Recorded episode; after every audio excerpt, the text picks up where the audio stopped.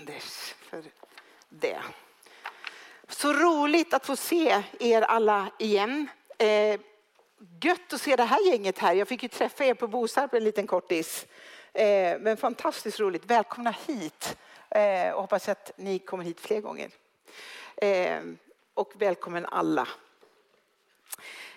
I sommar har ju vi haft den här serien som vi har valt att kalla för Ge plats till Jesus. Och ett par somrar nu så har vi också gjort så att medlemmar från församlingen har fått vara predikanter. Och jag har varit här en del av dem i sommar, men några har jag inte kunnat vara här. Men jag har lyssnat på varenda en. Och jag har fått blivit otroligt välsignad, lite utmanad ibland, att göra just plats för Jesus i mitt liv och i vårt liv, det är vårt gemensamma liv. Att göra plats för en Gud som är just stor, god men också helig. Att göra plats för Jesus och följa honom fast jag inte är perfekt. Att bygga ett rum för Gud, hans heliga närvaro som ger vila, näring och just närvaro. Att göra plats för Jesus på vår livsresa och vad vi skulle då packa med oss på den färden. Alltså sommarens predikningar har inneburit recept, socker, husbygge, möbler, resväskor och bondkatter. Och in, sist men absolut inte minst både AI, alltså artificiell intelligens och rymdresor. Hörni, man ska inte vara borta en sommar. Men Niklas och Jonas, var är du? Vi får säga som Petrus, Jakob och Johannes på förklaringsbergen att det kanske är bra att vi är här igen. Så det nu kan bli lite ordning på torpet. Nej, jag skojar bara. Ehm, det fanns en predikan dock som jag var tvungen att återvända till. Och det var Lennart Axklos. För att min man och jag har varit ute och kört mycket i sommar och så vi har lyssnat Eh, på Spotify i efterhand. Men jag förstod på skratten och jag förstod liksom att det gick inte bara att lyssna på den predikan utan man behövde också se. Och vad var det man behövde se? Jo, tänk om Gud skulle kalla oss. Vi har sålt våran kyrkbyggnad nämligen eh, på riktigt. Och tänk om Gud kallar oss att bygga församling på en plats som vi tänker inte alls att vi har tänkt på, nämligen på månen. Vi, vi sänder ut er, säger han här. På månen. Eh, och då skulle vår föreståndare och Niklas bära en helt annan rustning än den som finns beskriven i Efesierbrevet, nämligen och nu gör jag samma misstag att för er som lyssnar i efterhand så var det första en bild på månen där det fanns en liten kyrka där det står Immanuelskyrkan på och bild två är föreståndare Niklas Ljung iförd astronautdräkt. Tänk om Gud kallar mig till en plats som är som om lika tokig eller lika hisnande, lika långt bort som om det vore månen. Tänk om. Tänk om. Att göra plats för Jesus. På ett sätt så kan det låta lite uppfordrande, lite som att allt är upp till mig. Och då dröjer det inte länge innan jag inser att jag misslyckas hela tiden. Ehm, och om du känner så att jag duger inte, jag misslyckas, då är du väldigt gott sällskap i det här rummet. Låt mig bara säga det. Det fanns en lärjunge som förmodligen kände sig och som förmodligen var mer misslyckad än några andra. Det var han som högg av ett öra på en soldat. Och det var han som förnekade att han ens kände Jesus. Petrus. Som också var kallad till den som Gud skulle bygga sin församling på. Hur tänkte Gud då? Eller Jesus. Efter att Jesus har uppstått så söker Petrus upp Jesus söker upp Petrus med en enda fråga som kanske kan sammanfatta sommarens alla predikningar. Nämligen, älskar du mig?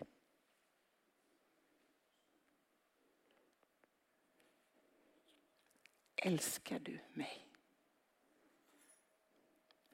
den eller det vi älskar, det ger vi plats för. Det är inte svårare än så.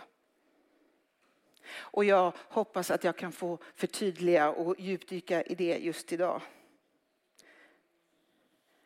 Och i det på något sätt hitta fram till en plats där vi likt Petrus, som spelar ingen roll hur misslyckad han är, får bekräfta att ja, jag älskar dig. Vi återkommer till det. En annan sak som jag har gjort i sommar det är att vara på en sommarkonferens och då får jag också förmånen att, att tolka. Och jag har tolkat en spännande talare med en otrolig berättelse och från en kvinna som heter Nicola Neal på New Wines sommarkonferens. Gud kallade henne, vad hon tyckte, till en resa, en plats som lika gärna skulle ha kunnat varit så långt bort som månen. Gud kallade henne att leva, älska och tjäna. För henne en helt okänd plats. I slummen i Afrika, närmare bestämt i Uganda. Och Gud kallade henne och hennes man utan att de hade gjort en enda dag på DTS. Utan att de hade gått någon teologisk skola. Utan att de hade fått någon crash course i mission eller ens att arbeta med socialt utsatta människor.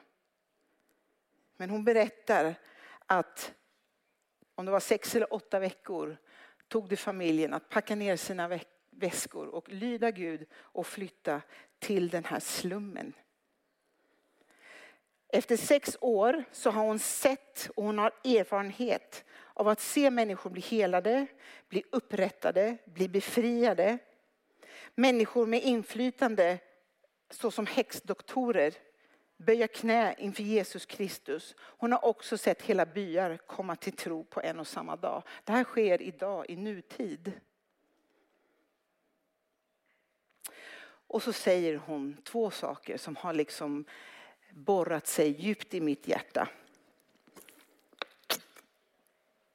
Det första är, vi kommer aldrig att se Guds mirakulösa ingripanden om inte vi behöver dem. Vi kommer aldrig se Guds mirakulösa ingripanden om inte vi behöver dem. Det andra var, utifrån det som hon har lärt sig, det är att när hon samlar sitt team i början på året för att söka Gud för hans för vision och för att planera budget och för alla de här sakerna. Då säger hon så här till sitt team. Jag vill inte se en enda punkt på den här listan eller en enda siffra i vår budget som ens är i närheten av att vara nåbar naturligt.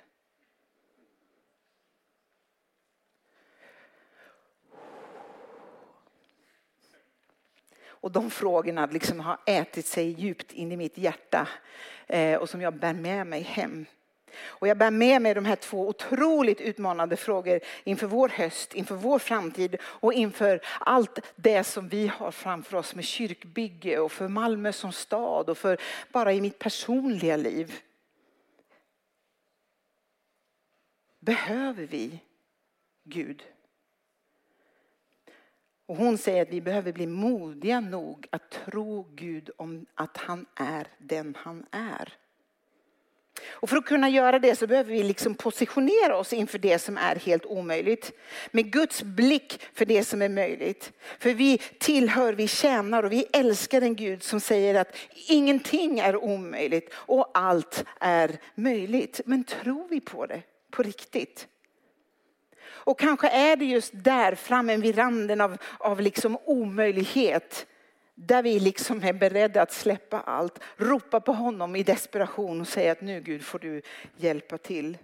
Jag kan inte, mina, my means have come to an end. Alltså det jag äger och har, det är slut. Jag har inget mer. Både Bibeln och hela kyrkohistorien är full av människor som får en dröm från Gud, en vision eller en kallelse. Och hur den visionen eller den kallelsen är just för stor. Lite för svår, lite för omöjlig. Och så fylls man istället av en slags rädsla, panik eller missmod. Och så var det också för Nicola Neal när Gud kallade henne att leva, älska och tjäna människor i fattigdomens slum i Kampala, Uganda. Hur, Gud, sa hon, hur ska mitt lilla ynkliga liv kunna göra skillnad på en plats som denna? Vi ska nu titta på en berättelse i Bibeln där Jesus griper in. Johannes 6, det handlar om när han matar över 5000. Det var förmodligen många, många fler där för man räknade inte riktigt med kvinnor och barn på den tiden. Men där står det så här att Jesus han får över till andra sidan av Galileiska sjön som också kallats Tiberias sjön. En stor folkmassa följde efter honom för de hade sett de tecken han gjorde och att han till och med botade sjuka. Jesus han går upp på ett berg. Han satte sig där med sina lärjungar. Det var dagarna före påsk, judarnas stora högtid. När Jesus såg sig omkring och märkte att så mycket folk kom till honom, då sa han till Filippos, var kan vi köpa bröd så att alla dessa människor får något att äta? Och det här säger han för att testa Filippos. För själv visste Jesus vad han skulle göra. Och det här är så spännande och det är lite typiskt Jesus att det är han som ställer frågorna till sina lärjungar. Hörrni, vi har massor med folk här. De kommer hit för att de har hört rykten om vad Jesus gör och vad han förkunnar och att han är en spännande person att vara nära. De befinner sig också utanför stan. Det finns ingen Willys eller Ica eller Coop att gå och handla på. Det finns inte ens en Espresso House att kunna liksom försöka köpa sig ett, ett, en kaffe. Så även om man hade haft pengar så fanns det, det var omöjligt att liksom ordna någon mat. Och så ställer han frågan till Filippos. Hur tycker du att vi ska göra? Eller så är han ironisk, Jesus. Jag vet inte. Och Filippus svarar, och det är både fascinerande, befriande och, och förundrande hans svar när han säger det skulle kosta 200 denarer för att var och en åtminstone skulle få lite, en munsbit var.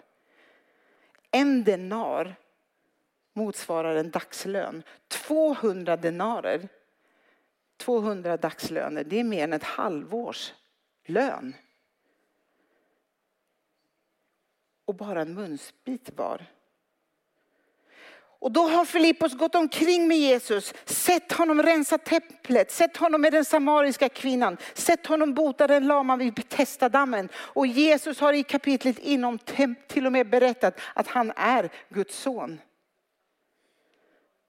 Nu har Filippos kommit fram till en sanning att denna mängden mat som behövs är bara för omöjlig.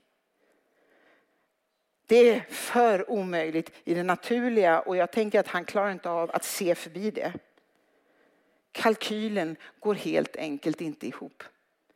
Och ändå är kalkylen helt riktig och sann.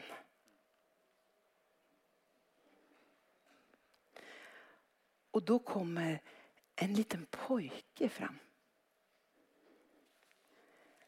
Och det är Andreas, lärjungen, som berättar för Jesus att den här pojken finns i folkmängden.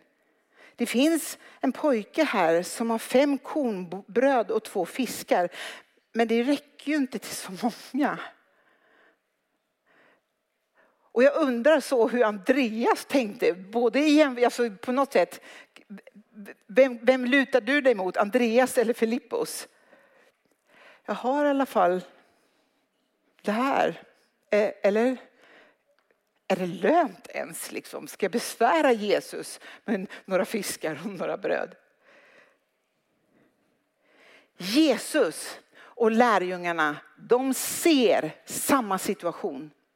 De ser de här fem, sex, sju, åtta tusen människor på en bergsluttning.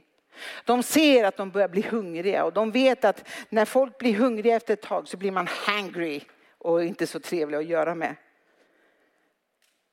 De ser också att det finns inga matbutiker, det finns inga marknader och de ser också att det finns inga pengar att ens försöka handla mat för.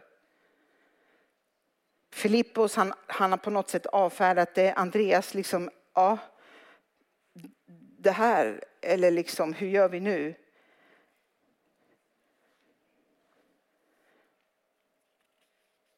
En liten killes lunchlåda som inte räcker, som är alldeles för litet, som är för obetydligt inför allt det de står inför. Men Jesus, han tittar på den här lilla lunchlådan och så tar han den i sin hand, några bröd och några fiskar. Och så tittar han på det i all sin litenhet, all sin ynklighet. Och så säger han, det här, det är perfekt. Det är perfekt. Det här, det är precis vad vi behöver här och nu. Sätt er nu, för nu ska vi äta. Och då säger Jesus, står det i texten, sätt er, säg åt alla att sätta er ner. Det växte mycket gräs där. Och så slog de sig ner och antalet män var omkring 5000. Så jag undrar de här lärjungarna, Filippos då, han som säger att det här är omöjligt. Nu säger Jesus till honom att se till alla att sätta sig. Okej. Okay. Och så gör han det. Andreas som bara säger, oh, de här fiskarna, de här bröden, men han, han verkar göra det ändå. Och jag tycker det är så intressant, den här lilla, lilla strofen där det står att det växer mycket gräs där.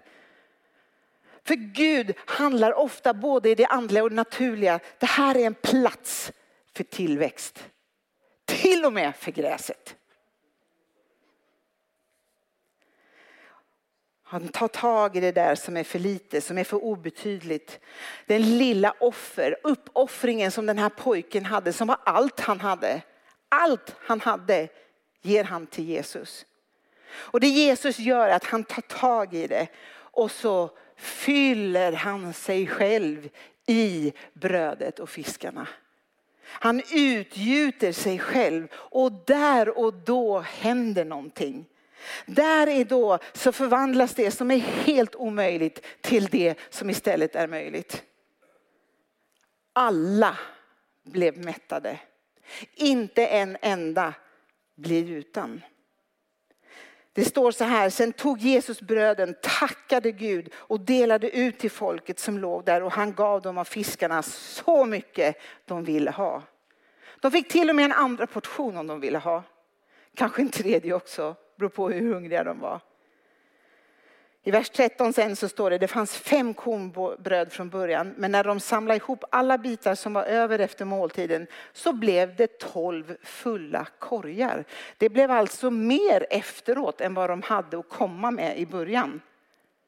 Snacka om en kalkyl som inte går ihop.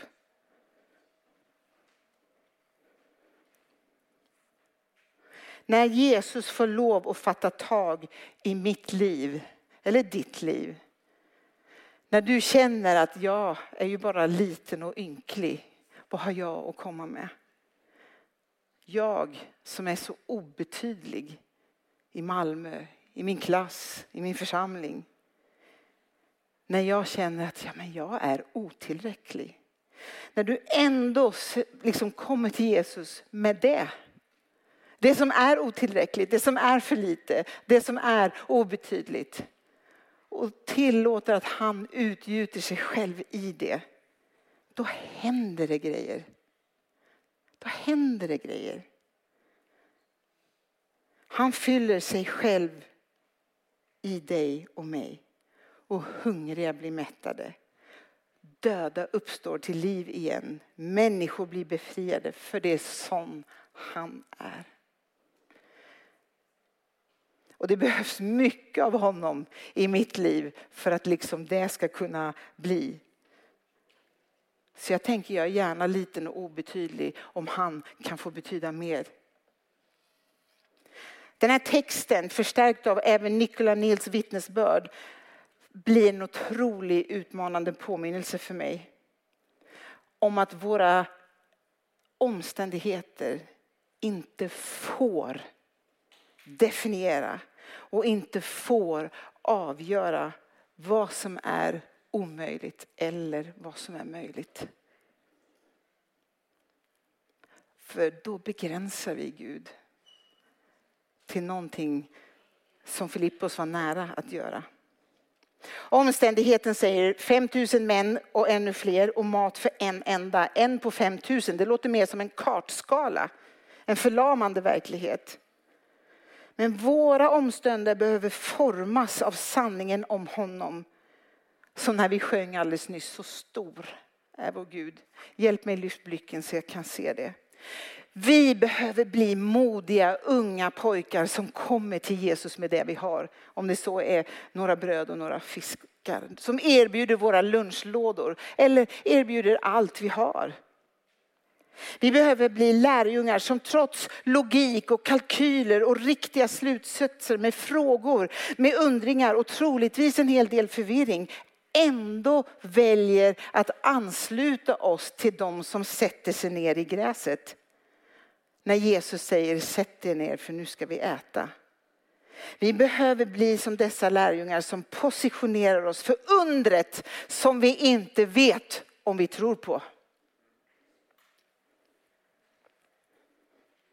När vi befinner oss i den plats eller situation som är helt omöjlig, så omöjlig att vi grips av rädsla och inte kan annat än att ge oss till honom, att låta honom ingjuta sig i oss igen, inte för vår egen skull utan för att ingen ska gå därifrån hungrig. Eller för att någon behöver räddning. Och jag tror att jag talar till någon speciellt idag som har lätt att fastna i tankarna om att jag räcker inte, jag duger inte och jag är alldeles för liten, jag, jag är obetydlig. Bortse inte från din litenhet. Utan ge den till Jesus och låt honom hälla av sig själv i dig. Parallellen finns till Petrus som jag började med. Och i slutet av Johannes, i sista kapitlet, när han får den här frågan, den uppståndne Jesus kommer och söker upp Petrus. Som har gjort bort sig så totalt, alla kategorier, med frågan, älskar du mig? Älskar du mig till och med mer än vad de andra gör? Ja, Herre, svarar Petrus, du vet att jag har dig kär. Ge då mat till mina lamm. Och så frågar Jesus igen en andra gång. Simon, Johannes son, älskar du mig? Ja, Herre, sa Petrus, du vet att jag har dig kär. Var då en herde för mina får. Och tredje gången frågar Jesus honom, Simon, Johannes son, har du mig kär? Petrus blev mycket ledsen nu över att Jesus än en gång frågade honom om han hade honom kär. Och han svarade, ja herre, du vet allt. Du vet att jag har dig kär. Ge då mat till mina får. Och finns kanske en nyckel här också. När vi längtar efter att se under och mirakel så är det inte främst för vår egen skull. Utan att det finns en värld, en stad, ett område utanför vilka vi är. Som är hungriga, som är törstiga, som är, behöver bli befriade, som behöver bli försonade som vi hörde om här också.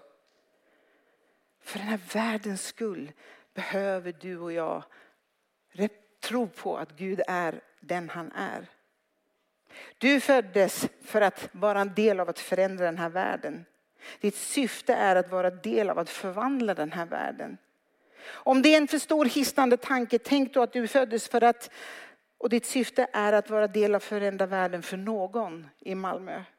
I din klass, på ditt jobb. Bortse inte från vad det innebär när hans liv får utgjutas i, i ditt liv.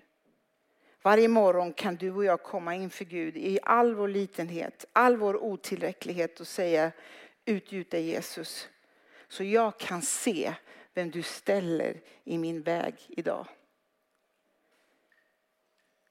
Ska vi ställa oss upp och låta honom, välkomna honom att invadera vår litenhet, vår otillräcklighet.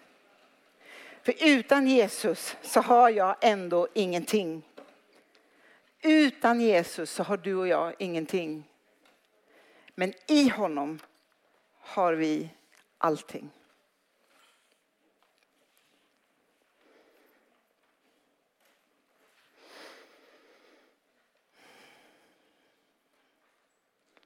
Fader i himlen.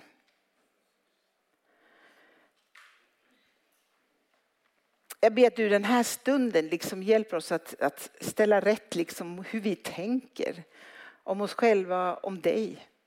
Att du är den som är stor och du är den som ska vara stor och du är den som har räddningen, frälsningen, lösningen i din hand.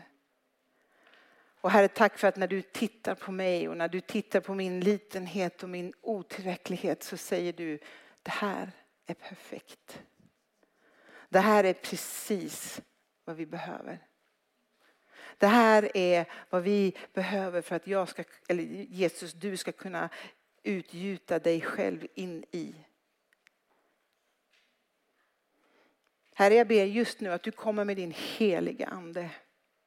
Du kommer över oss, Herre, att du utgjuter dig i våra liv. Både som individer men också i det som är Immanuelskyrkan. I vårt gemensamma liv, Herre. Att vi kommer till dig med vår litenhet, vår otillräcklighet som är smärtsamt, vi är smärtsamt medvetna. Att vi också gör kalkyler Gud som vi, som vi är sanningsenliga på ett sätt men i dina ögon Herre så, så finns det en annan skala. En 1 till 5 tusen. Jag ber Gud att du hjälper oss att se dina perspektiv. Jag ber för dig som känner just nu att ja, men Gud håller på att tala till dig och Gud fyller dig med bara sin frid. Påminner dig om att han älskar dig. Påminner dig om att du är hans barn. Påminner dig om att älska honom. Och att det är viktigare än allt du gör för honom. Herre, jag ber att vi också får bli försonade med dig som vi hörde här. Där vi får lov att, att kliva in i vad det innebär att älska dig fullt ut, Herre.